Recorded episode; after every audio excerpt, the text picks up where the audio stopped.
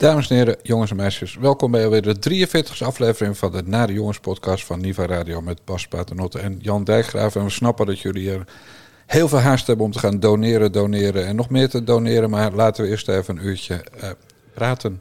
En dat doen we in een rattenspecial. Ja, en waarmee begin je? Een rattenspecial, dat kan er maar eentje zijn vandaag. Ja, ik heb het in Nederland helemaal echt om niet eh, gedaan voor al die zorginstellingen. Omdat ik gewoon dacht, nou, dat is dan ons steentje dat we kunnen bijdragen. Je vriend, Siewert. Nou ja, eh, onze vriend. Nou, Wij hebben hem ontdekt. dat wel. We hebben hem in de kinderwagen binnen zien komen. een column te geven in HP de Tijd. Ja, ja, ik weet niet waarom je op dat idee kwam destijds. Volgens mij maakten we een grap en zei hij ja en toen hebben we het maar gewoon gedaan. Het is ook gewoon op Twitter, Twitter begonnen. Dat toen Twitter dan nog leuk was. En Siewert ook nog leuk was. Ja. Want vandaag was hij in het nieuws. Randstad heeft eh, aangifte gedaan tegen hem. Ja, Peter Plasman.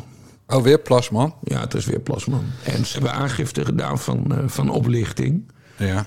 En eh, Randstad eh, die zegt dat het voor hun een principezaak is. Het gaat er niet zozeer om het geld wat zij hebben verloren. Want Randstad heeft iets van 15 FTE-medewerkers toen uitgeleend aan Siewert. Om niet. En later, dat, en dat kost iets van 150.000 euro. ja. En, en later bleek dus dat Siewert en zijn twee companen heel veel geld hebben verdiend. Eh, maar Randstad wil nu eigenlijk dat eh, die totale winst hè, van 20 miljoen... eh, dat die terug gaat naar de staat. En dat, dat wordt hun insteek onder leiding van eh, Peter Plasman. ja. Plasman is wel erg eh eh, mediageil de laatste tijd. Ja, hij is altijd een beetje activistisch advocaat geweest. Hij doet eh, wat we nooit mogen vergeten, want eh, hij doet ook Richard de Mos. En eh, daar heb ik hem leren kennen als een eh, bekwame advocaat. Maar hij is ook de man die, de, eh, die wat van die kopschoppers uit Hilversum verdedigt. Ja. Dus, maar Iedereen, iedereen, iedereen heeft recht op verdediging. Ik ben vooral benieuwd wie de advocaat van, van Siewert gaat, gaat worden. ja. Nee, maar... is er een civiele procedure of niet? Ja, Nee, nee, het- het- aangifte. Straf. Het- het- ze willen nog niet civiel. Ze willen, het, het is dus echt aangifte van Ah, ja. oplichting. Ehm, maar wat eh, eh, Follow the Money eh, kwam dus met het, eh, met het nieuws. Hè, dat, dat online weblog onderzoekscollectief. En daarin blijkt dus ook dat, dat Siewert zelfs in Buitenhof heeft gelogen. Hè, want hij zat toen maanden terug in Buitenhof. in feite als mea culpa en om zijn straatje schoon te vegen. En daar vertelde hij dus dat alles met Randstad was geregeld en, en dat er geld was betaald. Nou ja, dan zegt die meneer van Randstad gewoon, dat is allemaal onzin. Ja. En ik heb Siewert er wel eens een mail, of onze CEO heeft Siewert er wel eens een mail over gestuurd en daarna nooit meer wat gehoord. En bij nabellen zei Siewert, ja nee, ik zat in, zat in mijn spam, spambox. Nee, onze jonge vriend is eh, volledig door de mand gevallen. Ja. Ik, heb, ik voel het laatste, ik voel nog steeds sympathie voor hem, omdat ik weet dat het een hele lieve, aardige jongen is. Maar nee, er- blijft niks van over. Dit, dit is, eh, hij heeft de zaak belazerd op, op groot, grootse en meeslepende wijze. Ja. Nou staat de familie Paternotte erom bekend dat ze van alles verstand hebben. Hè? Jullie hebben ook een arts eh, en viroloog tegenwoordig in de familie. Laten we van jou dan nu even een rechter maken. Eh, maakt deze zaak ook kans bij de rechter? Ja, geen idee. Geen idee. Geen idee. Bas. Nee, kijk, het gaat, het gaat vooral om het, om het ethische aspect. Ja. Dan hoef je niet voor naar de rechter, want En, en Ja. als Siewert en, en die, die eh, Bernd Dam en Camille, Camille van Gestel... Hè, dat zijn dus die twee andere oprichters Ja. van de Stichting Hulptroep Alliantie... eh, echt nog een keer eh, met het hoofd rechtop over straat willen... stort dan gewoon de hele bende terug. ja, ik vind dat een raar advies. Want Nou, dan is dat geld wel terug. Eh, maar ze kunnen nooit meer, meer met een gezicht rechtop over straat. Want dan is het toch onder druk gebeurd en, onder, en na veel te lange tijd. Dus het is niet zo dat ze daarmee ook maar een begin van rehabilitatie eh, eh, hebben. Nee, dan hebben ze onder druk gebogen, geld teruggestort. Maar ik mag toch aannemen dat niemand meer met, met dit tuig in de zee zal gaan. iedereen verdient een tweede kans, Jan Dergraaf. Eh, Daar hebben we het straks nog even over. Ja, maar misschien hebben ze die tweede kans al gehad. Nee, maar kom op. Die, die, eh, die hadden ze dan eh, gepakt op het moment dat ze meteen maanden geleden hadden teruggestort. Maar dit, dit slaat nergens op. Van onder, uit angst voor een, uit angst voor een, een strafzaak zou je dan nu alsof dat überhaupt nog een rol zou spelen bij de beoordeling door het Openbaar Ministerie. Bedoel, eh, Ik, ja, ik heb wel iemand vermoord, maar ik heb hem gere of geprobeerd te vermoorden. Ik heb hem gereanimeerd. Nou is het niet erg meer. Ja. Nee, kom op. Deze gasten zijn gewoon eh, oud voor altijd. Dus dan kan je, denk ik... Ja, ik ben wat dat betreft eh, een, family man met kinderen, net als Siewert. Dan kan je beter die, dat geld wat je dan op een niet zo nette manier hebt verdiend... maar waar je wel voor gewerkt hebt... Ja, dan kan je beter dat geld houden, in elk geval grotendeels. En zorgen dat je kinderen nog een leuk leven hebben in een ver warm land. Ja. Het is gewoon, Siewert wil je gewoon in Nederland nooit meer zien. Je neemt hem nooit meer serieus. ja. Hij kan zelfs geen opinie maken bij WNL meer worden. Nee, nee, nee. En Hij- dat zegt heel veel. Ja, want hij is ook niet gevraagd voor VI vandaag. Het nieuwe programma van Gené en Derks en Van de Gijp. Nou, als je daar niet voor bent gevraagd, dan ben je wel heel kansloos. Ja, ik, ik vraag me trouwens nog even af dit juridische. Want ik ben natuurlijk niet juridisch onderlegd. Nee, maar die andere is ook geen viroloog. Hoe Plasma, hoe Plasma dat geld dan wil terughalen.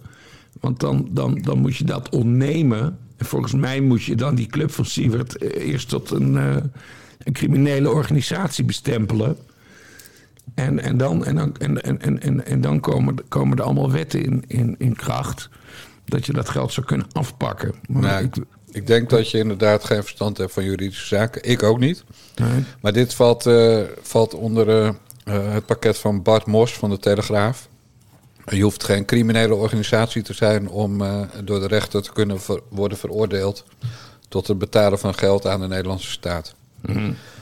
Eh, als, jij, als jij als ZZP'er de belasting bedondert en, en de eh, klaag je aan, dan, eh, dan kan het ook. Maar goed, heb ik ook geen verstand van op Bas. Maar ik denk niet dat, eh, dat er een artikel 140 procedure nodig... eh, of artikel 140 moet worden ingeroepen of 137, weet ik veel. Waar, waar de VVD onder valt, dat artikel. Ja, nee, maar goed, omdat er in de aangifte staat.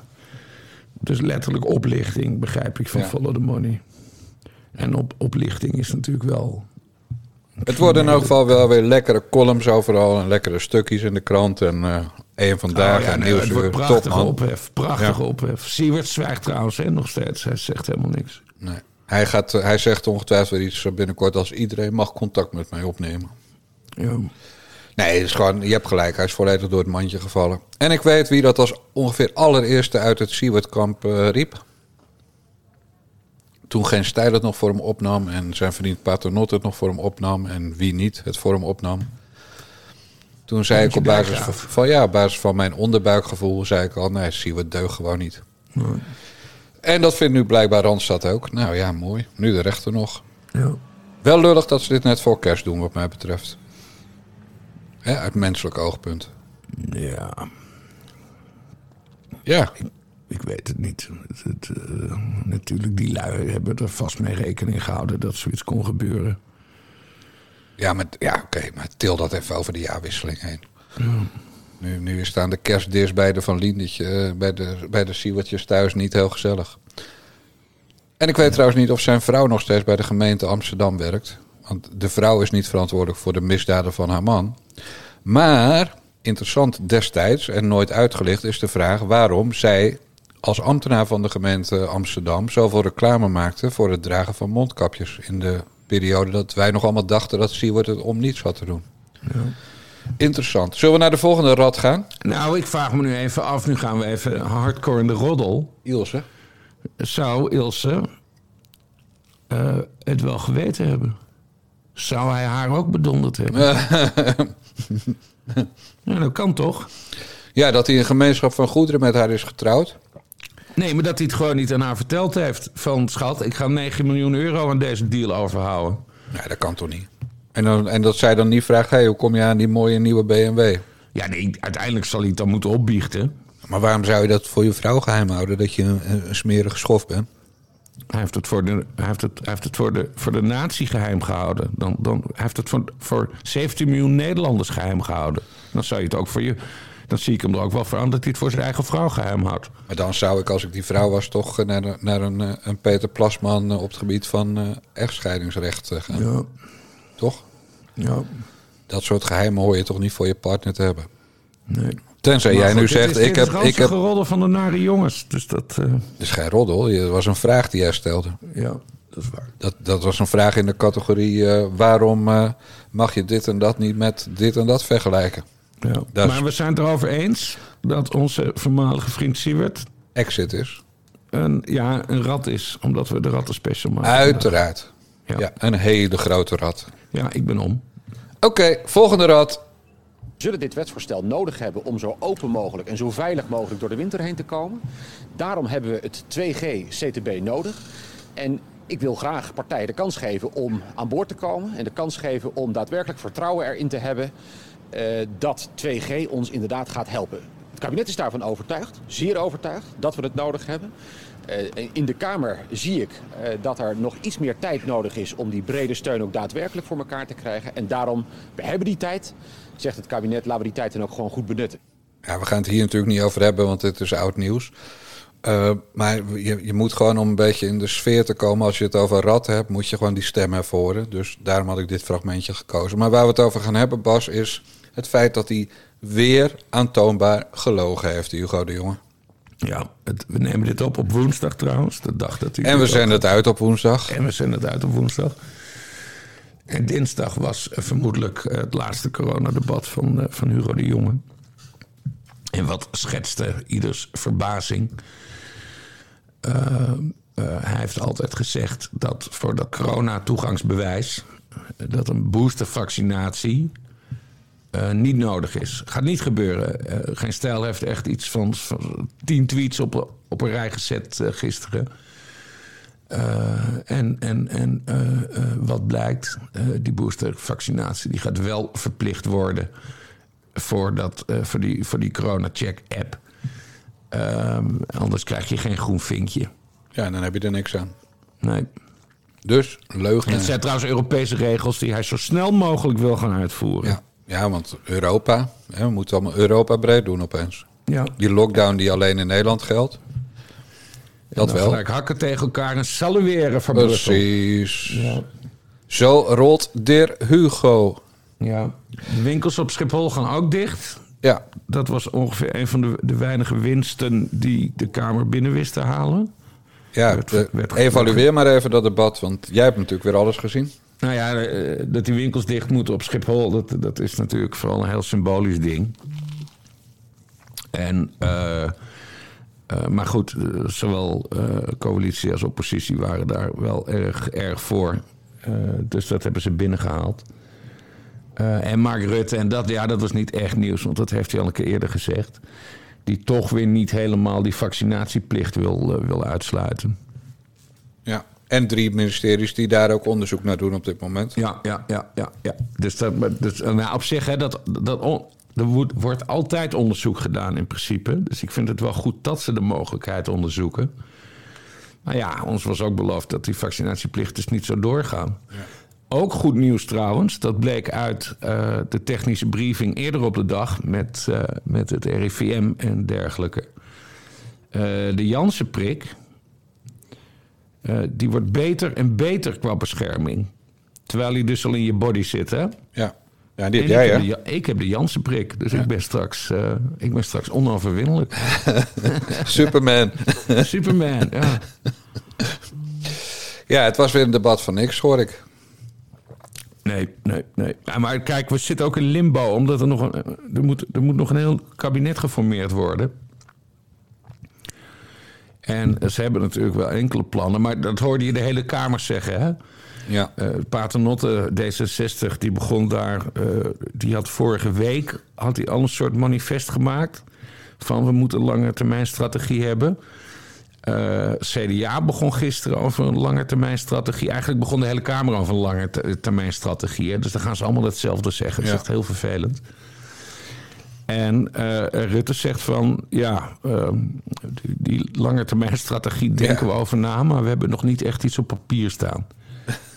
Ja, wat We nog, zitten twee jaar in deze crisis, hè? ja, wat nog mooier was, was, was dat hij ook nog eigenlijk zei... Ja, verwacht er ook niet te veel van als hij... en dan zegt de Kamer... Ja, oké Rutte, goed jongen, geen probleem. wat jij zegt, twee jaar lang toch- bezig. ik- het is- we kunnen erom lachen en tegelijkertijd is het heel erg deprimerend. Ja, maar je moet er wel om lachen, want anders word je echt depressief. En dan kom je weer in die duizend extra dooien die elke week vallen. Hè? Dan ga je de kist in. Vrijwillig. Nee, maar het is, het is echt elke keer hetzelfde. Net als bij, bij lockdown-achtige maatregelen. De, het- het kabinet steelt 1000 euro. Toepasselijk bedrag in het geval van Rutte. Steelt 1000 euro van je. En dan komt er een Kamerdebat. En dan geeft het kabinet 5 euro terug. En dan zeggen de, de partijen in de Tweede Kamer... we hebben 5 euro gewonnen. Ja. Ja, in mijn wereld heb je 995 euro verloren. ja.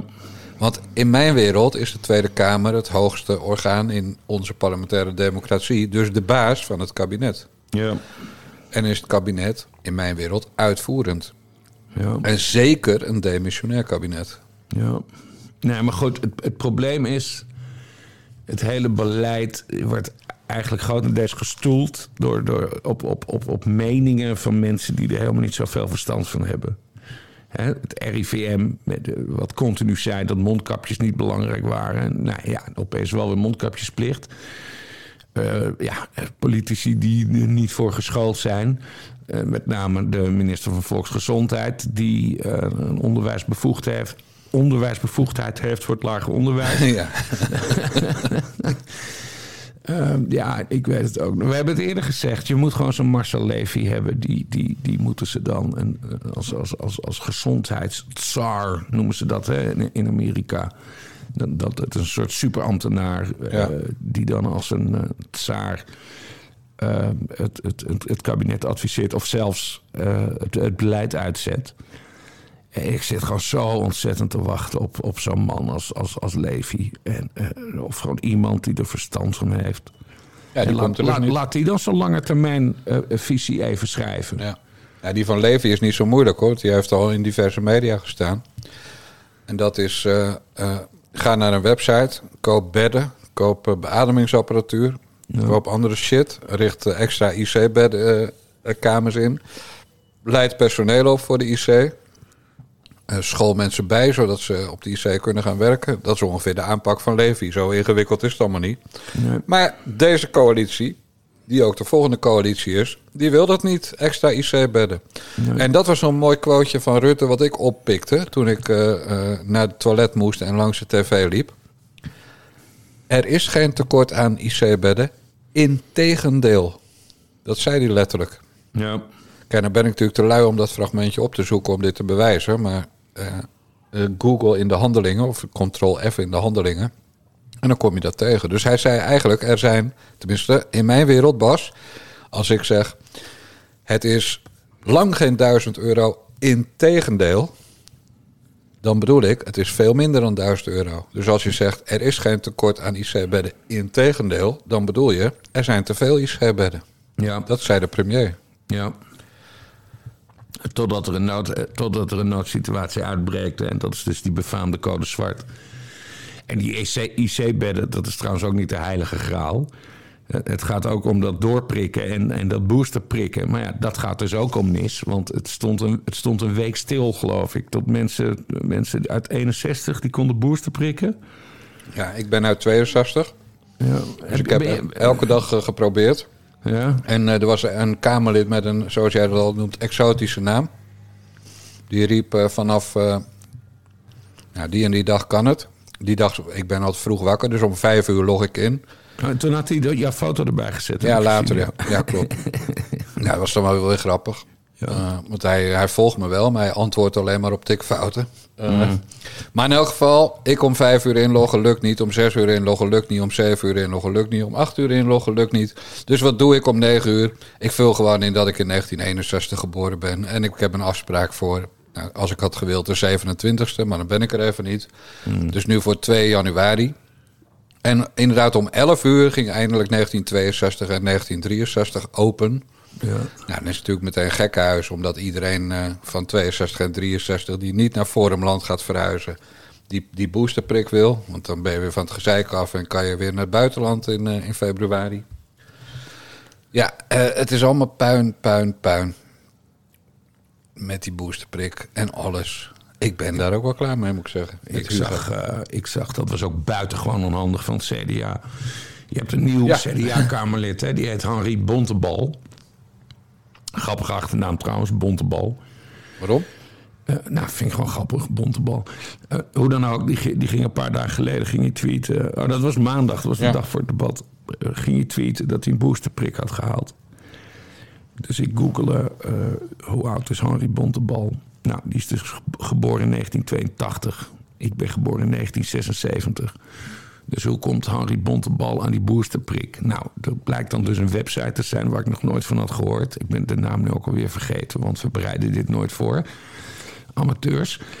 Ehm, maar je hebt dus regio's waar ze vaccins over hebben. Ja. En die Bontebal die is daarop gaan kijken en die heeft toen dus een boosterprik gehaald. Eh, Maar die zegt dus dan op Twitter. eh, hè, als CDA-Kamerlid, zijn, eigen, zijn eigen minister is, eh, is van zijn partij. Of Hugo de Jonge is van zijn partij. Van ja, ik heb een boosterprik. Ga allemaal boosteren, mensen. Ja. Ja, ik kan dus niet boosteren, want ik krijg geen informatie.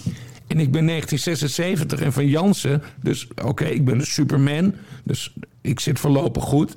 Maar ik ben best wel bereid eh, nog een nieuwe Jansen te nemen. maar geef mij informatie. Ja, ik krijg helemaal geen informatie. Je krijgt trouwens en ook geen- En zo'n bonte bal... Die, eh, ja, die gaat dan even een mooie meneer uithangen op Twitter. Ja, ik had hem ook nog eh, getweet. Van, eh, als je, eh, want hij deed ook nog alsof hij iets goeds voor de wereld deed. Doordat hij nu voorkwam dat moest worden weggegooid. Dat, dat rest dingetje. Ja. Dus ik zei van, nou, je had ook een, met je auto een mannetje van 80 naar de, naar de priklocatie kunnen brengen.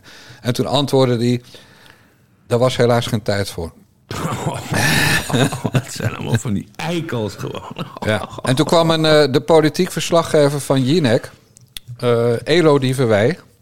Elodie, ja. Ja, die kwam mij even terechtwijzen dat ik, eh, dat ik hem niet zo hard moest aanpakken, die bontebal. Wat zei ze dan? Nou, zoiets van, eh, het is toch goed bedoeld of zo. Hij doet toch een goede daad. Ik, weet- ik weet niet of ze het cynisch bedoelde, dat hoop ik dan maar. Maar het leek alsof ze meende dat ik hem niet hard mocht aanpakken.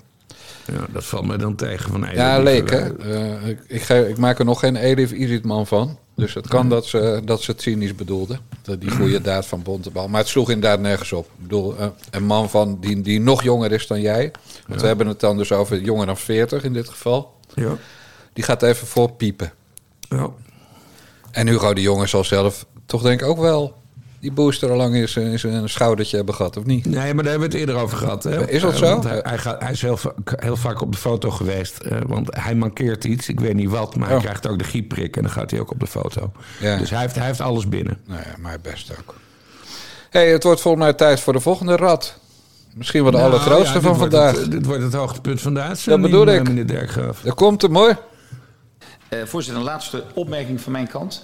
Eh, ter afsluiting. ehm, het is geen dreigement, eh, dat wil, zo wil ik het niet noemen. Maar het, ja, 21 heeft drie zetels in deze Kamer, heeft er zeven aan de overkant. Ik weet dat de coalitie er zes tekort komt aan de overkant.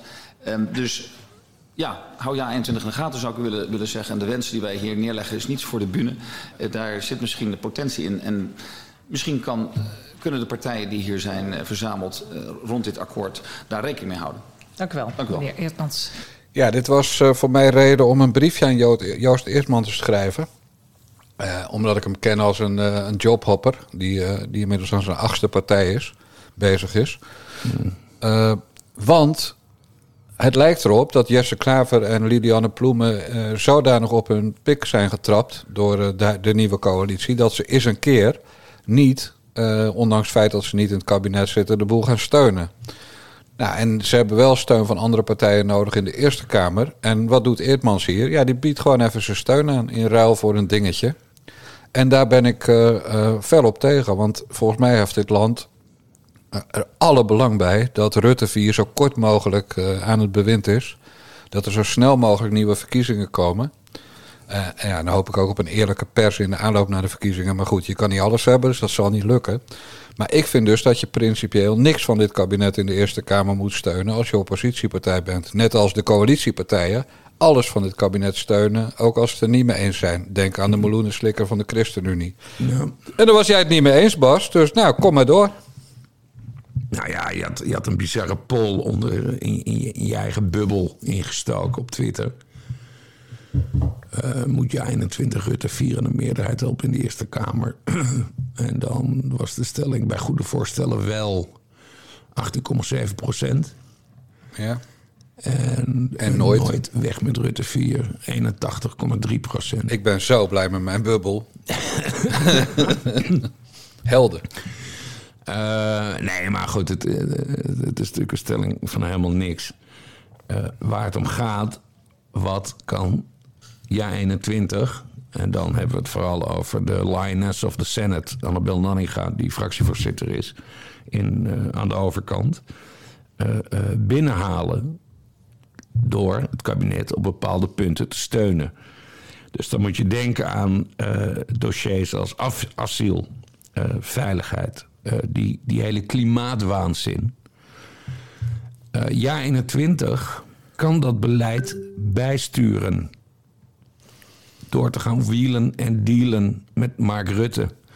Want anders is hij, zoals je zegt, inderdaad overgeleverd aan GroenLinks en PvdA. En we weten dat die in grote lijnen het land kapot willen maken. Dus eh, ik vond het een, eh, een hele nette uitgestoken hand van Joost Eerdmans. Nee, kijk, jij, jij, jij bent zo verweven met het hele politieke wereldje. Dat je, dat je dit, deze onzin eruit kan krijgen. Ik zeg je net, GroenLinks en PvdA zijn zo pist dat ze hebben beloofd. Deze keer is niet die deeltjes te sluiten met als jij instemt met dit, dan krijg je dat. Dus er komt geen nieuw leenstelsel voor studenten, eh, waar, eh, waar GroenLinks vorige keer eh, is ingetrapt. Bezuinigingen gaan niet door waar je dus niet wil. Die, die punten die jij noemt waar Annabel Nanninga dingen zou kunnen binnenhalen. Migratie. Je vergat nog EU. Zeg maar het overgeven van, van het laatste stukje soevereiniteit aan Brussel. Eh, daar gaat hij helemaal niks binnenhalen, Eertmans. Want dat pikt eh, de echte premier van Nederland vanaf half januari, Sigrid Kaag, niet. Dus we hebben een knijterlinks regeerakkoord. Coalitieakkoord heet het nu nog, maar er wordt een knijter, knijterlinks regeerakkoord. En dan zijn we weer op die duizend euro van mij. We worden op belangrijke punten worden we ontzettend genaaid door dat extreem linkse kabinet Rutte 4. 1000 euro. En dan gaat Rutte straks, om een meerderheid te krijgen voor dingen, 5 eurotjes aan Joost Eertmans geven. En dan gaat Eertmans, die noemt dat dan constructieve oppositie. En kijk eens wat we hebben binnengehaald. Ja, 5 euro. Maar als Eertmans geen deeltjes sluit, en Klaver en Ploemen doen dat ook eens een keer niet. Nou, SP doet het zeker niet. Maar dan heeft Rutte geen meerderheid voor zijn hele plan in de Eerste Kamer. En dan is Rutte in no time weg. Dus ik vind dat we de kans aan GroenLinks en de PvdA moeten geven om woord te houden. En dit kabinet niet in de rug te steunen. En Eertmans, als hij dat wel gaat doen, is de spelbreker. En waarom gaat hij dat doen? Dat snap ik ook wel. Want Eertmans is een rasopportunist. Omdat hij dan hoopt dat hij bij het volgende, na de volgende verkiezingen, wordt hij ongetwijfeld groter in de, eerste in de Tweede Kamer. En dan hoopt hij dat hij een rolletje krijgt in het volgende kabinet. Dat is de agenda van Jo- Joost Eertmans. En die agenda staat mij helemaal niet aan. En dan nog wat. Hij heeft nul zetels in de Eerste Kamer. Want laten we eh, niet vergeten hoe die zetels in zijn bezit zijn gekomen. Het zijn allemaal Forum voor Democratie zetels. We kunnen veel van Baudet zeggen, maar die heeft die acht zetels waren het, en inmiddels nog zeven. Die heeft Baudet binnengehaald en niemand anders. Ja. Amen. En nu? En nu? Nee, dat is het. Jij, moet- jij moet, Nee, nee, jij moet, kijk, jij naar moet de laatste, mijn kijk naar de laatste peiling van één vandaag. Ja? Die, was, eh, die was dinsdag. 58 zetels voor de coalitie. Ja, acht zetels voor Forum voor Democratie. Ze zijn nu virtueel... Voor, eh, ja, 21, excuus. Ze zijn nu net zo groot als het CDA. Ja? En? De, de, de agenda van jaar 21... eh, laten we dat gewoon heel kort formuleren als rechtster dan de VVD... eh, eh, die, die, die valt goed bij de mensen. Ja, nee, dat weet ik. Dus, Want ze, dus zijn, ze zijn van vijf naar acht gegaan. Dat zijn drie zetels erbij. ja. En die, al die drie zetels die komen bij de VVD vandaan. Van drie naar, Dus als de, van drie als, naar de, acht. als de VVD eieren voor zijn geld kiest, dan gaan ze om tegendruk tegen, tegen met name Kaag eh, te bieden. eh, dan gaan ze een beetje hangen naar, eh, naar, naar Eerdmans. Naar jaar 21. Eerdmans En heeft zo kan Mark Rutte zijn gezicht eh, redden. Totdat het kabinet valt over, over de tig aantal parlementaire enquêtes die we trouwens nog krijgen. Eerdmans heeft alle belang bij nieuwe verkiezingen. De mensen in het land die dit, die, die dat extreem linkse VVD-gedachtegoed wat ze tegenwoordig hebben. Hè? Denk aan Dilan. Denk aan de asielzoekers en de gelukzoekers die allemaal komen. Denk aan het eh, alles maar voor Brussel doen. Denk aan het belachelijke klimaatplan. Extreem links is het gewoon. Het is gewoon GroenLinks wat, eh, wat de VVD is geworden. Ja, nee, maar na de, eh, volgend jaar, halverwege januari, krijgen we het debat over de regeringsverklaring. Hè? Dan, dan ligt er een, een, een definitief regeerakkoord. Tot nu toe is het een coalitieakkoord, maar dan Ja. is het een echt regeerakkoord. Nou, ik, ik zou heel graag zien eh, dat dat een beetje wordt bijgestuurd naar de rechterkant. En eh, de, enige, de enige die dat kan doen, dat is Ja 21 in de Senaat. Nee, Bas. Dat is die 5 euro. Dan hebben we nog 9 995 euro ellende op ons dak. En als je dat kan voorkomen door nieuwe verkiezingen, moet je er alles aan doen om dat te voorkomen. Want als Jesse Klaver of Lilianne Ploemen wel weer mee gaan helpen om dat knijterlinkse beleid door te krijgen in de Eerste Kamer, dan zijn die helemaal niks meer bij de volgende verkiezingen. En ze zijn al aan het doodgaan. Overigens, gratis tip voor de PvdA en GroenLinks. Fuseer als een sodemieter en neem Abu Taleb als lijsttrekker. En waarom geef ik die tip? En dan worden ze heel groot. Ja. En stomme oude sociaal-democratische hart. Daar waren we toen weer op tegen en toen moest het Asje worden. Nee, maar, dat, ja, maar Asscher is een Amsterdammer. ja, dan houdt alles op. nee, geintje. Maar goed, we zijn het dus volledig oneens. Jij wil graag die 5 euro. En ik, ik gok... Kijk, dit is een beetje de casino-vraag. Als je op zwart zet, kan je 995 euro winnen. En zet je op rood. Toepasselijk, maar laten we het maar... Als je op zwart zet, kan je 995 euro verdienen. En als je op groen zet, kan je 5 euro verdienen. En Joost Eerdmans zet in op groen. Ja, nee, maar eh, dit is, dit is een fundamentele kwestie die tussen jou en mij al langer speelt. Want als we kijken naar al jouw briefjes over Pieter Omtzigt. Jij zei altijd, Pieter. Omtzigt moet, moet het Ja. kabinet laten vallen. Zeker. En ik zei, nee, Pieter Omtzigt moet je lekker binnen het CDA zijn ding laten doen. En daar bereikt hij veel meer mee. En kijk wat er is gebeurd. hij heeft dan? het kabinet in principe laten vallen... zonder een motie van wantrouwen in te dienen. Ja, het kabinet is vrijwillig opgestapt, Bas. Ja, nee, oké, maar dat kwam door de inspanningen. Nee, zeker, maar die inspanningen, die, nu is die één pitter en nu levert hij toch ook dat soort inspanningen als hij geen corona heeft. Ja, nu is hij één pitter, maar dat heeft andere redenen. Maar dit, dit- is gewoon, gewoon, wij kijken gewoon diametraal tegen dit soort kwesties aan. Ja, ik ben een democraat en jij bent een eh, eh, ingekapselde, ingekapselde politicus aan het worden. Nou, nee, ik heb gewoon gelijk.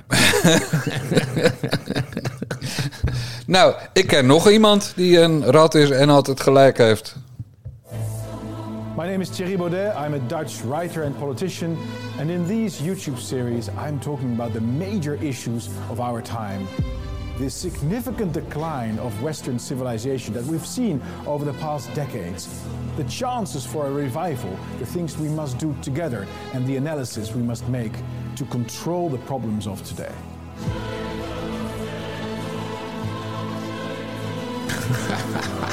Die muziek al. Erg, hè? Ik kreeg zojuist op eh, Twitter van Ingelise de Vries, heet ze zo? Ja, Ja, kreeg ik de vraag, dit is deepfake toch, hè? En toen moest ik helaas zeggen, nee, dit is geen deepfake. Dit is een filmpje wat, eh, een, een trailer die Thierry Baudet gisteren op internet heeft gezet. Omdat hij op kerstavond, hè, de dag voor het kinderke Jezus eh, geboren werd. op kerstavond begint hij met The Movement. En dat is de internationalisering van het, van het Forumland. Ja. Nu klink ik bijna als Sid Lucassen. Maar Thierry gaat eh, internationaal met zijn beweging. Ja, en, Ja. en, en ik dacht eh, aan Jim Jones. En dat bedoel Ja. ik niet de rapper. Nee. Jim Jones, de secteleider, die... In welk, in welk land had hij... Weet In Gua-? Guyana, Oh, ja. Guyana, Guyana had hij een eh, Jonestown opgericht. En uiteindelijk wilden mensen weg. En eh, mensen die weg wilden, werden of in hun rug geschoten. En uiteindelijk wilde, wilde hij dat eh, de hele secte zelfmoord pleegde. En dat gebeurde door Siankali te drinken. En de mensen die dat niet wilden, die werden gedwongen om het te drinken. Of eh, kregen ook een eh, kogel in hun rug. Ja, er zijn toen ook twee Amerikaanse leden van het Huis van Afgevaardigden, geloof ik. Die Ja. waren daar op bezoek. Die zijn toen ook neergeschoten. Ja, en een journalist, klopt. Ja. Ja, echt crazy, crazy. Maar crazy. eigenlijk eh, eh, zie, je, ja, zie je heel veel overeenkomsten tussen Forumland en Jonesland. Kan niet anders zeggen. Maar laten we even beginnen bij het begin. Thierry en zijn beweging. Nee, eh Oh. Forumland. Want dat is er nog steeds niet. Maar hij gaat nu dus al naar de next level. Ja, Forum World. Ik bedoel, ja, Forum World. Maar maak nou gewoon eerst een keer iets afgozen. Dus begin met Forumland. Want hij zou een eigen, eigen, eigen hoe heet het, eh, cryptocurrency beginnen. En een app en een, en een heel netwerk. Eigen banksysteem, eigen onderwijs, eigen huisvesting. Eigen datingsite, gewoon echt alles. En daar is nog niks mee gebeurd. En nu gaat hij al internationaal. Nou, hij heeft natuurlijk wel nou, een eigen uitgeverij zou hij ook beginnen. Nou, hij loopt inderdaad eh, aardig wat boekjes te verkopen. 80.000 euro heeft hij binnengehaald eh, vorig jaar. Oh, dat valt me tegen. Op zijn eigen rekening. Oh, privé. Ja, Ja. ja. dat, is, dat, is, dat is netjes voor, voor iemand die een redelijk saaie pen heeft. Ja. En dan gaat er natuurlijk weer iemand roepen: saaie pen, saaie pen. Jij zelf een saaie pen. Ja. Nul zetels, geen pijl. Ja, ja, echt. Dat zag ik vandaag langs. Ja, hij kwam weer langs. Vanwege je briefje over Ja. hem, ja. Van, oh, oh ja, Jan Dijkgraaf is nog steeds heel erg zuur over geen pijl. Gasten, dat, dat is honderd jaar geleden. Jan Dijkgraaf is met hele andere dingen bezig. ja, dat snappen ze niet. Luister naar die podcast, idiot. Bijvoorbeeld, ja. Maar wat, hoe moeten we dit nou weer zien? Zo'n zo The Movement. Een gelikt filmpje van, die- van die muziek waarvan ik denk... bij welke, welke grote leider uit de jaren 30 van de vorige eeuw... eh, speelde ook zulke muziek. Het wordt toch steeds gekker. De, de jongere van Forum voor Democratie. eh, eh, JFVD.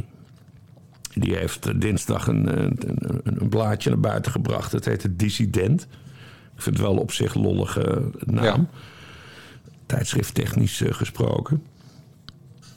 Eh, maar daarin staat ook een interview met Baudet. En, en daarin vertelt hij dat hij ja, dat hij, dat hij, hij, ver- hij vergelijkt zichzelf met de Amish. Hè, dat zijn die extreem christelijke types in, in Amerika die nog eh, met, een, met een koetsje rondrijden. En hij wil de Exodus, de Exodus leiden. En, en hij gelooft dus niet meer erin dat Forum voor Democratie eh, de grootste partij moet worden.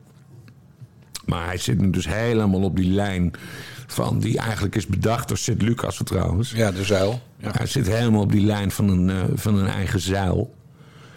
Eh, maar ja, goed, ja. Die Jim Jones vergelijking.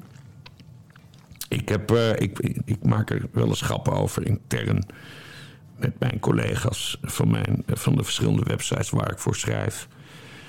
Ja, misschien eindigt het wel een keer met een dof pistoolschot in, een, eh, in het keldertje op de Herengracht. En dat dan de hele toestand voorbij is. ja, denk je? Ja, nou ja, het heeft toch een grote. Hij is gek. Ja, maar het, het, het, heeft een grote ondergangachtige vibe. Ja. Al die verhalen van. Ja, ik, ik vind het ongelooflijk dat mensen zijn. Dat, ook vandaag natuurlijk weer eh, na mijn briefje aan, eh, aan eh, de Baudetiers. Want ik moest vandaag naar de pedicure. Ik had het druk met boekbestellingen van Erika. Ik had de podcast opnemen met jou. Ik had het monteren, want af en toe knippen we er wel Wat drie doe jij bij de pedicure? Dat ik ben een wandelaar. Ik ben een wandelaar. Ik loop 10.000 stappen per dag. Dat is gewoon, dat is net als dat je de autobanden moet onderhouden van je Maar auto. pedicure is tenen, toch? Voeten. Ja, voeten. Ja, voeten. Ja. En wat- wat laat je dan doen? De nagels knippen, lakken. Nee, lakken niet. Nee, de rest wel natuurlijk, ja. Eelt weghalen, scheuren in je huid. Kijk, het is nu lockdown, dus het was vandaag een medische operatie. Nou, dan worden wat kloven eh, weggesneden en zalfjes dit en, en, en hoe heet het, eh, verband daar. En gewoon dat, dat, dat Jan de sportman er weer volop tegenaan kan. Want ik wandel altijd hard, hè. Minstens 6,5 kilometer per uur. Is dat snel? Ja, ik heb Ja, dat helemaal is geen ervaring. Ja, normaal. eh, Als jij met Miesje B gaat, dan zit je op 4,5, 5 als jullie naar de kroeg gaan heen. En terug nog langzamer. Ja. ja, maar ik flaneer ook, hè? Dat bedoel ik, ja. Nee, maar ik loop zodanig hard dat ik wel zweet. Ik loop namelijk om af te vallen. En dan eh, moet je een bepaalde hartslag hebben. Het is allemaal eh, wetenschappelijk, sportwetenschappelijk goed werkend. En daar hoort bij dat je zorgt dat de bandjes goed zijn, Bas. Het is niet anders. Maar het ging er meer om dat ik wilde zeggen... ik heb vandaag toch geen tijd om op Twitter te kijken... wat al die bodetiers eh, zeggen.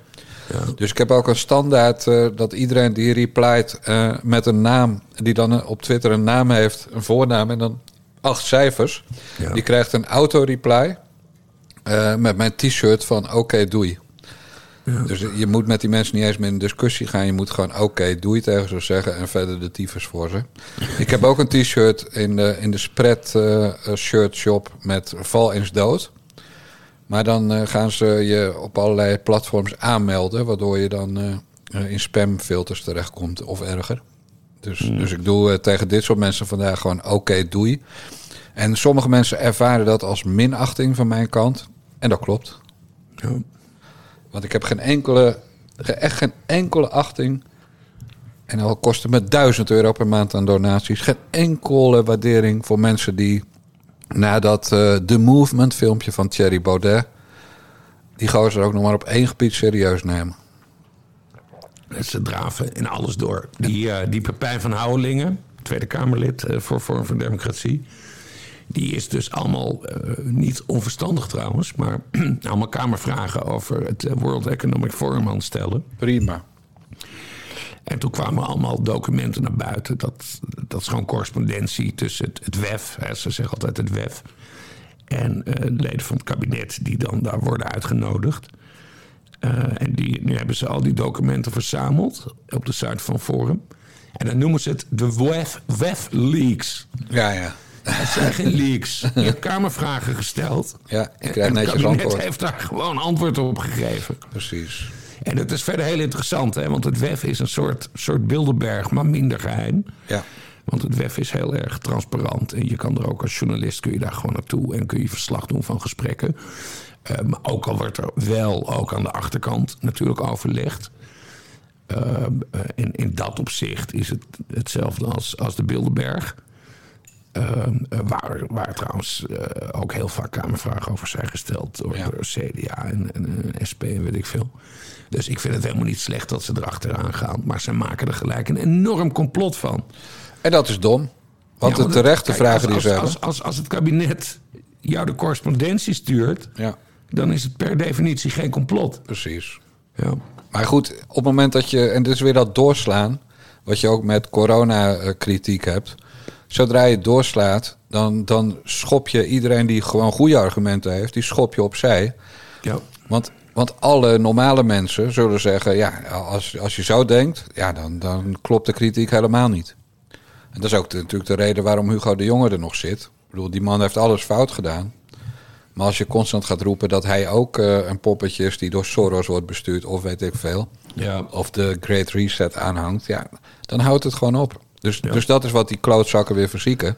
Het is heel goed om het WEF aan te pakken. Want het is, waren het maar alleen maar politici. Maar Mabel van Oranje is, is er ook bijna elk jaar bij. Er zijn ook mensen, eh, Willem-Alexander is er ook regelmatig geweest. Maar er zijn- ook journalisten die daar als lid heen gaan. ja, klopt. Eh, dus het, het is inderdaad een hele enge club. Eh, en, en er worden natuurlijk daar allerlei deeltjes gemaakt. Maar je moet niet roepen dat het een complot is. Zelfs als je denkt, moet je het niet roepen. Gewoon die papieren eh, eh, opvragen, die papieren lezen en de nieuwtjes eruit halen. Ja, gewoon de feiten. Breng gewoon de feiten. Ja. Ja. Ik heb zelf nog een blunder gemaakt trouwens op dit gebied. Wil je dat horen of zullen we die negeren? Nee, vertel. Vind ik altijd leuk. Nou, ik keek ook, zag ook een van die brieven, namelijk aan Kaag.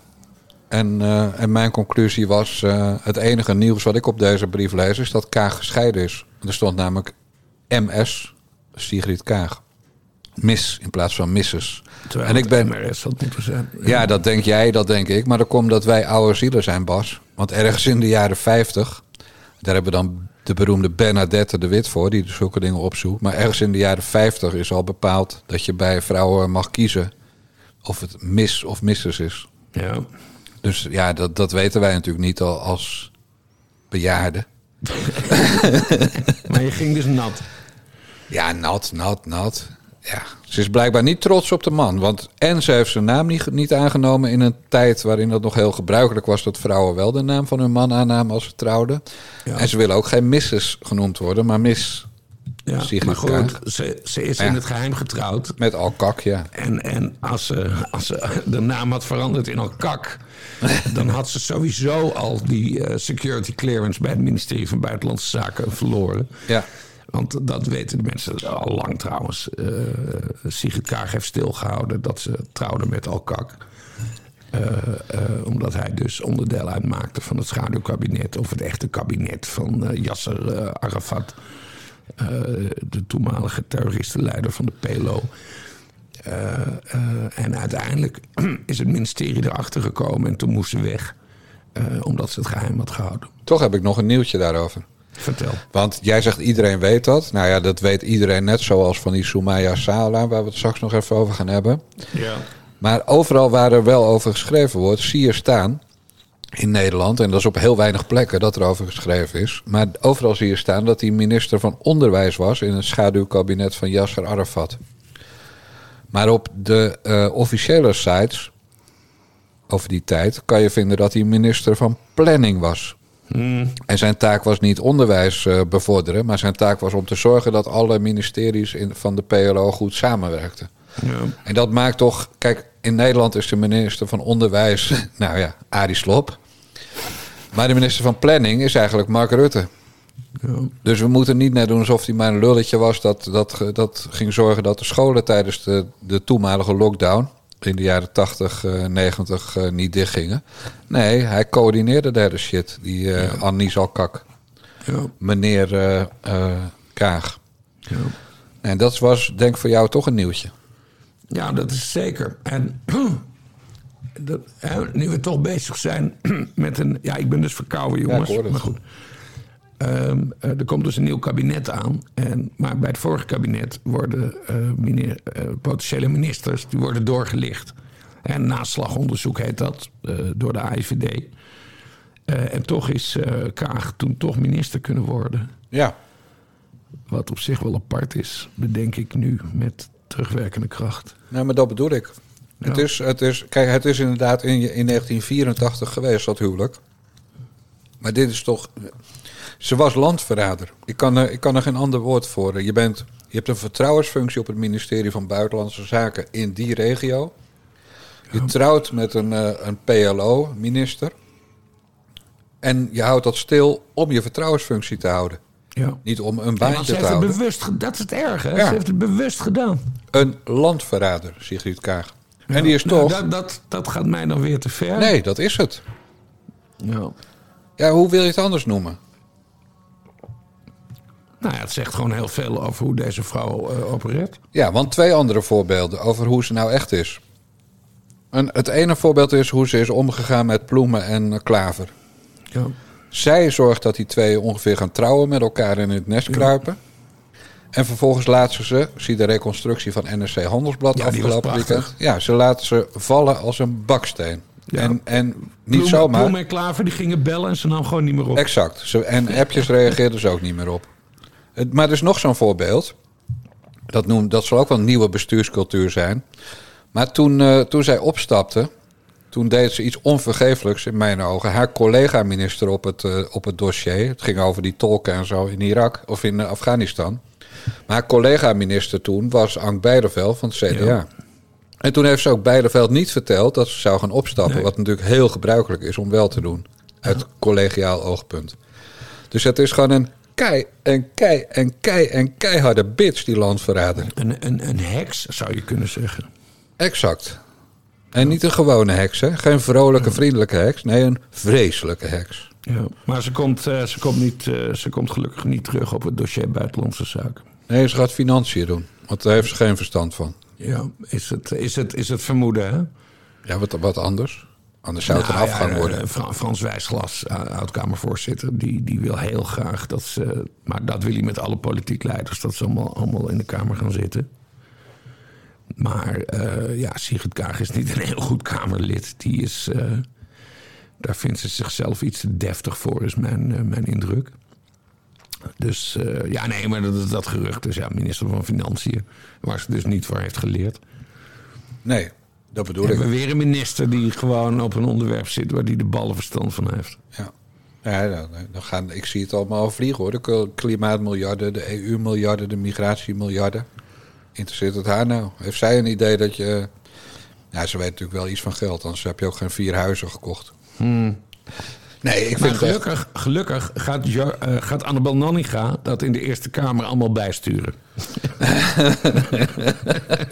Zullen we naar de volgende raad? Ik ben wel Nee, blij, is- ik ben is- wel blij is- dat je het zo... Je hebt het verkapt verteld, maar toch blij dat je het helemaal met me eens bent, eh, Bas.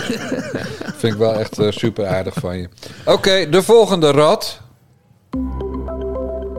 Ja, mevrouw de voorzitter, Soumaya Sala. Voor de mensen nu denken dat Geert Wilders een rat is.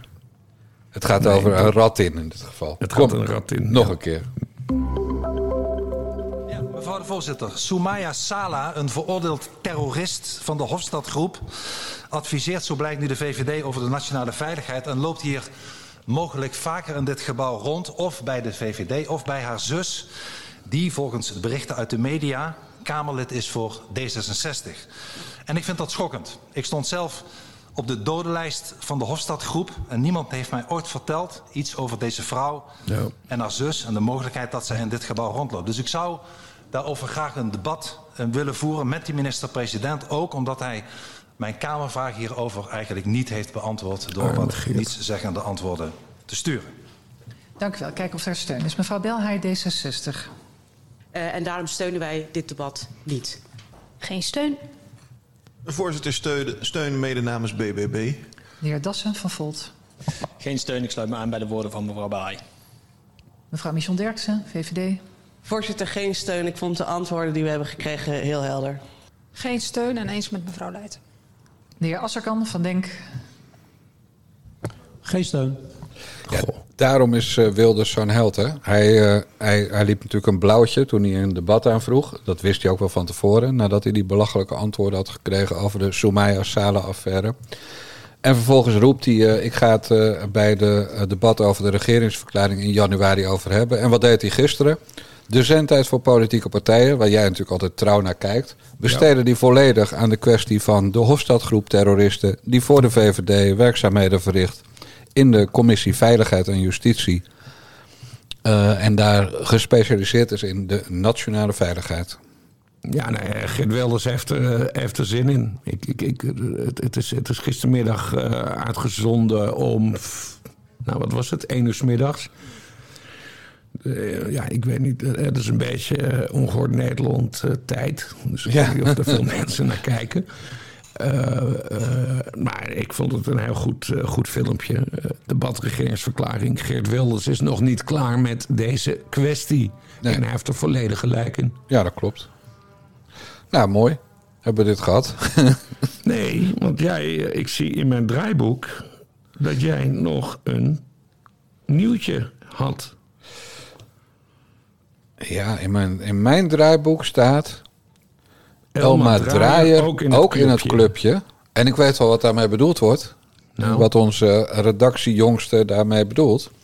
Nou, de Telegraaf heeft dus eh, heel labbekakkerig eh, eh, gereageerd op de kwestie Soumaya Sala. En dat, de Telegraaf is de werkgever van Elif Isitman.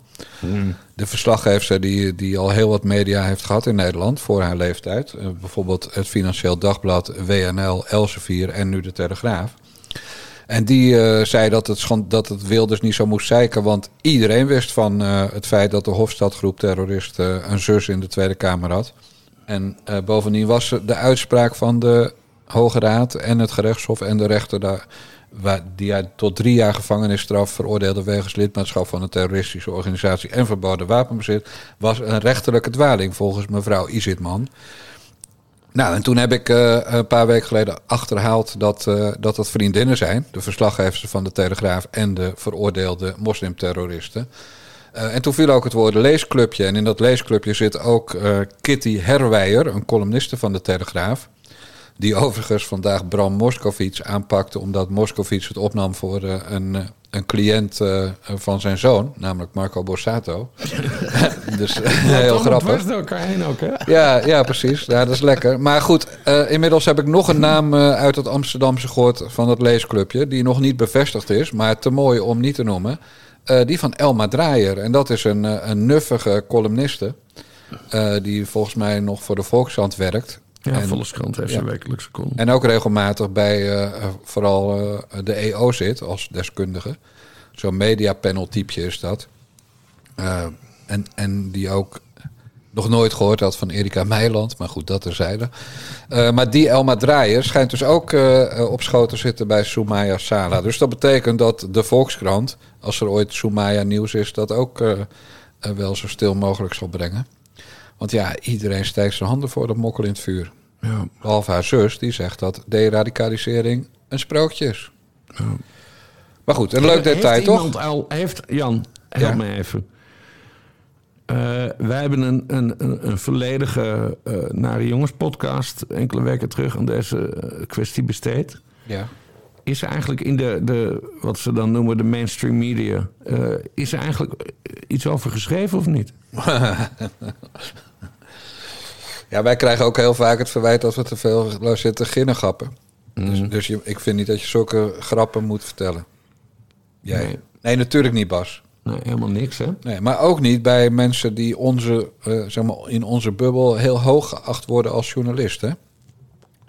Het is heel grappig om de podcast van Wie Duk eh, van eh, anderhalf week geleden even terug te luisteren, bijvoorbeeld. Wat zei wie het dan? Wat zei wie Ja, het? dat weet ik niet. Maar ik kreeg vorige week de vraag.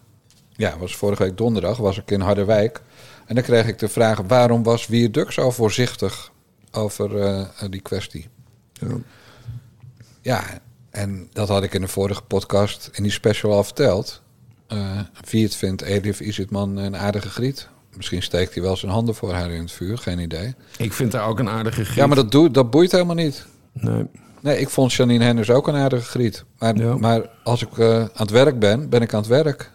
Ja. En dan zet ik dat opzij. En dat zou wie het moeten doen. Dat, doet, dat zou Izetman moeten doen. Maar zo werkt dat niet bij de MSN. Je hoort erbij of je hoort er niet bij. Ja, maar goed, de, de, de mainstream media die zullen bij het debat over de regeringsverklaring er niet meer omheen kunnen. Tuurlijk wel. Want nee, want Geert die gaat natuurlijk, eh, dit is volledig, dit wordt zijn hoofdpunt. En dan zullen ze erover moeten schrijven. Nee. Dan, eh, dan, dan zoeken ze wel 83.000 andere onderwerpen waarover ze die dag gaan schrijven. Maar ze gaan dat niet doen, Bas. Ik wil er wel om wedden hoor. Maar dat gaan ze niet doen. Ja. Zullen we erom wedden? ja, het hangt van de donaties af. Oh ja. Want jij gaat, als je verliest, ga je dat uit de donaties betalen, begrijp ik. Ja, lekker dan. Nee, maar even zonder door. Natuurlijk gaan ze het daar niet over hebben. Want, want ze gaan iets anders pakken. Kijk, de PvdA, die gaan hopelijk doorhebben de komende weken. Dus voor half ja- januari. Dat er iets aan de hand is met de AOW. Namelijk dat AOW'ers zwaar genaaid worden door Rutte 4. Ja. Dus als die slim zijn, dan stoppen ze eens met dat, met dat geneuzel over Brussel en, en, eh, en klimaat en zo. En gaan ze eh, opkomen voor de gewone man. Nou, de AOW'er is bij uitstek de gewone man. Sommige AOW'ers hebben na de oorlog dit land nog hel- helpen opbouwen.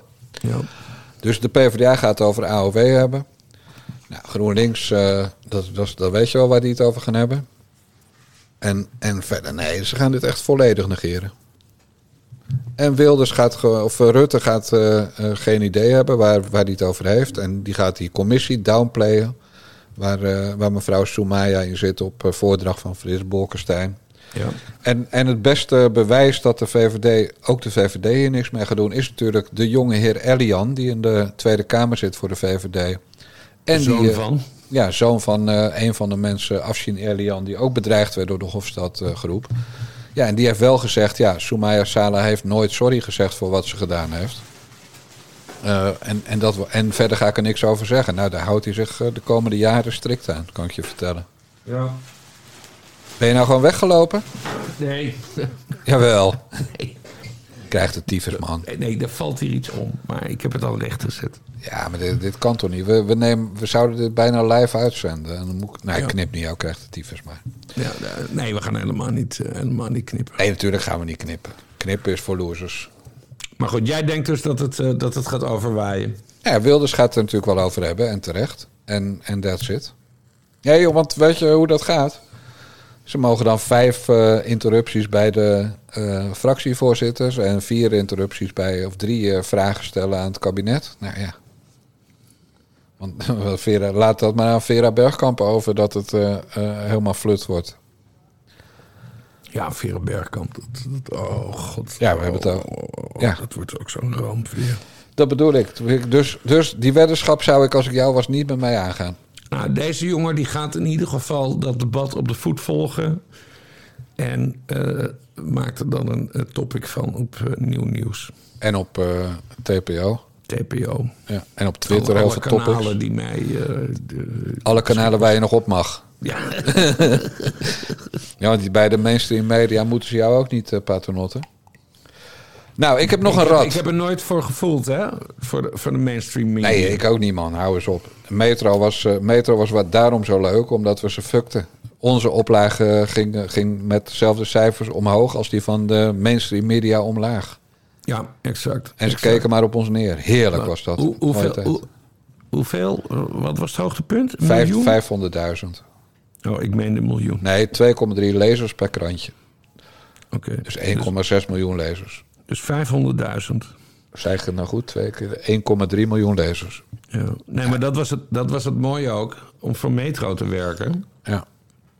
Eh, want eh, in, toen ik in de Tweede Kamer zat eh, voor Metro...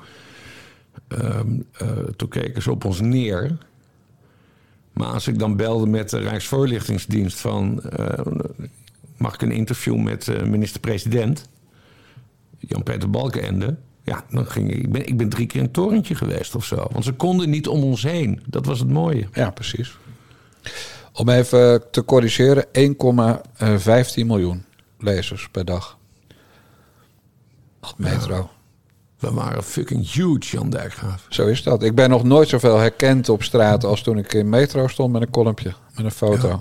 Ja, Ja. en dat zal eh, Kitty Herwijer niet overkomen, terwijl de Telegraaf toch een grote krant is. Ja. Of Ik Elif ben nog steeds fan van de Telegraaf. Ik ben Ja, joh, ik kijk ook, man. Ik ben fan van Wouter de Winter. Het zal allemaal wel, maar, Langton. maar als de mensen in het land maar weten hoe de hazen lopen in de media. Dat is Ja, uiteindelijk... Daar moeten ze luisteren naar de nare jongens. Precies. Ik heb nog één klootzak, oftewel een rat. En die heet uh, Nausicaa Marbe. Ja, ik hoor dat je verslikt. Nee, ik wacht op de audio, Oh. eh, Jan Nee, Dijkgraaf. daar kan je langer op wachten. Eh, want die rat eh, die reageerde op een andere rat. En dat is Abdelkader Benali. Hmm. Die opeens heel erg schandalig vinden dat er een nieuw tv-programma komt. En de mevrouw die in dat programma een van de hoofdrollen speelt is deze mevrouw. Het gaat Chateau Bijstand heten, heb ik Ja. gehoord. Leuk gevonden, vind ik. Ik vind het een leuke ja, naam. Ja, Ja, die zeker. verzonnen hoor, maar ik vond het meteen heel leuk. Ja. Ja, jullie- Maar het komt in maart op de buis. Wat gaan we erin precies eh, zien? Nou, wij gaan dus, eh, dus als Martin, eh, Maxime, de kinderen en ik... gaan ehm, in een huis wonen, op, eh, nou, in een sociale huurwoning of zo. Gewoon een hele simpele woning die helemaal leeg is. We krijgen 1000 euro om het huis in te richten. Dus dat wordt shoppen bij de kringloop. Dan eh, krijgen we een budget, dat wordt precies uitgerekend... van nou, als je met zoveel personen bent en een, en een kind... dan krijg je zoveel bij, eh, kinderbijslag en zoveel uitkering, of weet ik het. En ehm nou, bijstandsuitkering natuurlijk. Dus dan moeten wij daar mee rondkomen. Ja, ja. Nou, en ik, ik vind het enig. Maar die, die, die twee, die Martin en die Maxime, die, die gaan gek worden volgens mij. Ja, en dan gaan die, dus die Benali en Nausicaa, die gaan dus eh, roepen dat het schandalig is om eh, amusement te maken over de rug van arme mensen. Alsof er nooit eh effen geen cent te makken met de familie Vroger heeft bestaan. Hetzelfde met de familie Roelvink en later nog Geer en Goor. En alsof er niet plenty-programma's zijn waarin aandacht wordt gevraagd voor de misstanden in deze maatschappij. Zoals de onder, Rutte, onder de kabinetten Rutte zeer gegroeide armoede in dit land. En daar zak zo ongelooflijk mijn broek vanaf. En waarom doen ze dat? Omdat dit Erika Meiland is. En Erika Meiland heeft iets gezegd over hoofddoekjes. En die is nu gewoon de nationale pispaal. Ja, nee, Erika Meiland is, die is nu sowieso de lul. En ze hebben dus ook, eh, hebben het vaker over gehad, eh, die dochter Maxime aangepakt. En vraag aan jou. Ehm, is er een goed doel aan verbonden? Want ik weet dat de vrogertjes een deel van de opbrengsten naar de, een of andere nationale voedselbankenorganisatie lieten gaan. Ik kan daar niks over zeggen. Dus dat is eh, oud, eh, eh, omdat ik het nog niet weet. Kijk, jij hebt deze vraag eh, eerder aan mij gesteld. Ja. Omdat ik, we zeiden dat we dit onderwerp even gingen behandelen. En dan kan ik twee dingen doen. Ik kan het vragen, maar ze liegen nooit tegen mij. Hmm. En ik kan het ook niet vragen en dan weet ik het niet. Dus nou, ik dacht van... Ja, ik ga- Lafjes. Nee, niet lafjes. Ik ben geen journalist in de Nare Jongens podcast. Kijk, eh, kijk, mijn enige belang, Bas, is eh eh www, het boek van Erika met een c.nl. Hmm. En koop dat boek, mensen. Maar ik, ik heb niet, het is niet in mijn belang dat ik ga lopen liegen tegen jou. Nee. Nou, dat, kan, dat voorkom ik nu. Wat, wat ik niet snapte, welke zender gaat dit uitzenden? Ik denk SBS 6, maar weet ik ook niet eens zeker. Nee. Ik weet wel dat, eh, dat ze met die laatste zin wel gelijk had. Dat wordt hilarisch, omdat eh, Martien en Maxime misschien wel wat moeite hebben met een maand lang in armoede leven. Ja. Maar ik begreep ook dat ze van dat budget wat ze krijgen ook echt alles moeten doen. En dat er ook eh eh schadevergoed... Of heet dat? Eh, hoe, noem, hoe noem je dat nou? Eh boeteclausules staan op eh, als je niet aan dingen houdt. Dus dat, dat Martien een paar doosjes wijn naar binnen smokkelt. Bijvoorbeeld, ja, er staan. of de, of dat, je, dat mensen dan niet in dat huis gaan wonen. Wat bijvoorbeeld bij. Je hebt ook zo'n een serie die heet. Of ja, een programma dat heet. Steenrijk Straatarm. Dus dan wisselen stellen die heel rijk zijn. Of, of in ieder geval redelijk rijk. met eh, mensen die heel arm zijn. En dan gingen in het begin vaak die, die rijke mensen gingen dan eh, niet in dat huis wonen een week. Maar die gingen dan s'nachts naar een hotel omdat ze niet in de griebenzooi wilden zitten. Nou, dat soort dingen, daar staan nu allemaal bloedeclausules op. In, Ook in Steenrijkstraat Arm. Eh, ja, en, en dat geldt voor dit programma ook, begreep ik. Dus je moet gewoon de boel niet flessen. Je moet gewoon een volle maand in de armoede leven. En daar Ja. wordt dan tv van gemaakt. En ja, natuurlijk verdienen de Meilandjes geld met die tv. Weet je waarom, Bas? Dat is hun werk. Ja. Ja, net als dat bij de Vrogertjes zo was Nou en ja, bij Roelvink zo was. Ik, ik, ik, ik kijk sowieso nauwelijks tv. Daar hebben we het vaak over gehad, uiteraard. Ehm, ehm, ik geloof wel in verheffing via tv. Ja. Je hebt, ja, Afrotros heeft een prachtig programma, dat heet Maestro. Daar gaan, daar gaan bekende Nederlanders die gaan dirigeren. En Henk Spaan. En, eh, oh, oh god, Henk Spaan, die, die had een microagressie naar eh Lientje. Ja, maar goed, laten we dat... eh, van der Plas. Laat maar Nou, zitten. Gaan we niet over hebben. Ik geloof in verheffing via televisie. Dus bij dat maestro, dan heb je bekende Nederlanders die gaan dirigeren. Maar wat is de, de, de winst die je erbij pakt? Dat de gewone man in aanraking wordt gebracht met klassieke muziek. Vind ik heel belangrijk. Even wachten. Ik ben een Mozart-jongen. Echt zorg dat iedereen klassieke muziek My name is Thierry leert te. I'm waarderen. a Dutch writer and politician. And in these YouTube series, I'm talking about the Dit bedoelde je toch of niet? Heel, heel goed, heel goed. Ehm, als die meilandjes dus dan een, een, een, een maand in een eh, sociale huurwoning gaan wonen... eh, ja, vind ik prima, laat het maar zien. Ja. Maar koppel, koppel er dan wel een boodschap aan... door wat de vrogertjes deden... het op te nemen voor bijvoorbeeld de voedselbank. Begrijp je wat ik bedoel? Ja, nee, dat snap ik. Moet jou als sociaal-democraat Absoluut. aanspreken. En we weten ook nog dat Erika het onlangs opnam voor de onderdrukte vrouwen in de moslimgemeenschap. Dus Ja. eh, het zit in hun hart, hè, het opnemen voor eh, de minder bedeelde medemens. Ja. Dus ja, het zal wel goed komen, joh, Bas. Denk jij niet? Nou ja, goed, jij hebt het niet durven vragen. Nee, wel durven vragen. Nee, strategische keuze om het niet te vragen. Ja. Ik vraag ook niet aan Janine Hennis via DM... hey Janine, klopt het dat je minister wordt? Ja. Want stel dat ze, dat ze dan nee zegt en ze wordt het toch... Ja, dan ben ik toch genaaid door Janine Hennis. En wie wil er nou genaaid worden door Janine Hennis? Zit je nou weer dom te lachen? Ja. Oh, je bedenkt meteen weer aan seks, zeker? Ja, nee, nou goed, oké. Echt niet. Man, het is, het is verdorie één uur in de middag. Ja, het zijn trouwens twee verhalen die gaan over Janine Hennis. Oh, wat dan? Eh, de- nou ja, de een, het ene verhaal is dat ze eh, dus in Bagdad eh, wil blijven als, als weet ik veel, bijzonder VN-gezant. Ja. Een ander verhaal is dat ze wel terug wil in het, in het kabinet. Ja. Nee, ik vraag dat dus bewust niet. Want ik wil niet genaaid worden door Janine Hennis. Nee, we moeten het Het zou een mooie krantenkop even- zijn, hè? Ja, Jan Dijkgraaf genaaid door Janine Nee, Hennis. wil niet genaaid worden door Janine Hennis. Goed, we gaan er een eind aan breien, beste mensen. Dit was de 43e aflevering van Naar, Naar de Jongens podcast van Niva Radio. Onze website is nivaradio.nl. Doneren kan bij de Naar de Jongens podcast op tpo.nl. Doneren kan ook via nadejongens.backme.org. En doneren kan via bunk met een q.me slash Niva Radio. En als jullie dat allemaal niet doen, dan komen er nog maar negen afleveringen van de Naar de Jongens podcast. Dus allemaal doneren. Ja, want De- anders stoppen we er gewoon mee, hè? Juist. De mazzel. Doei, doei.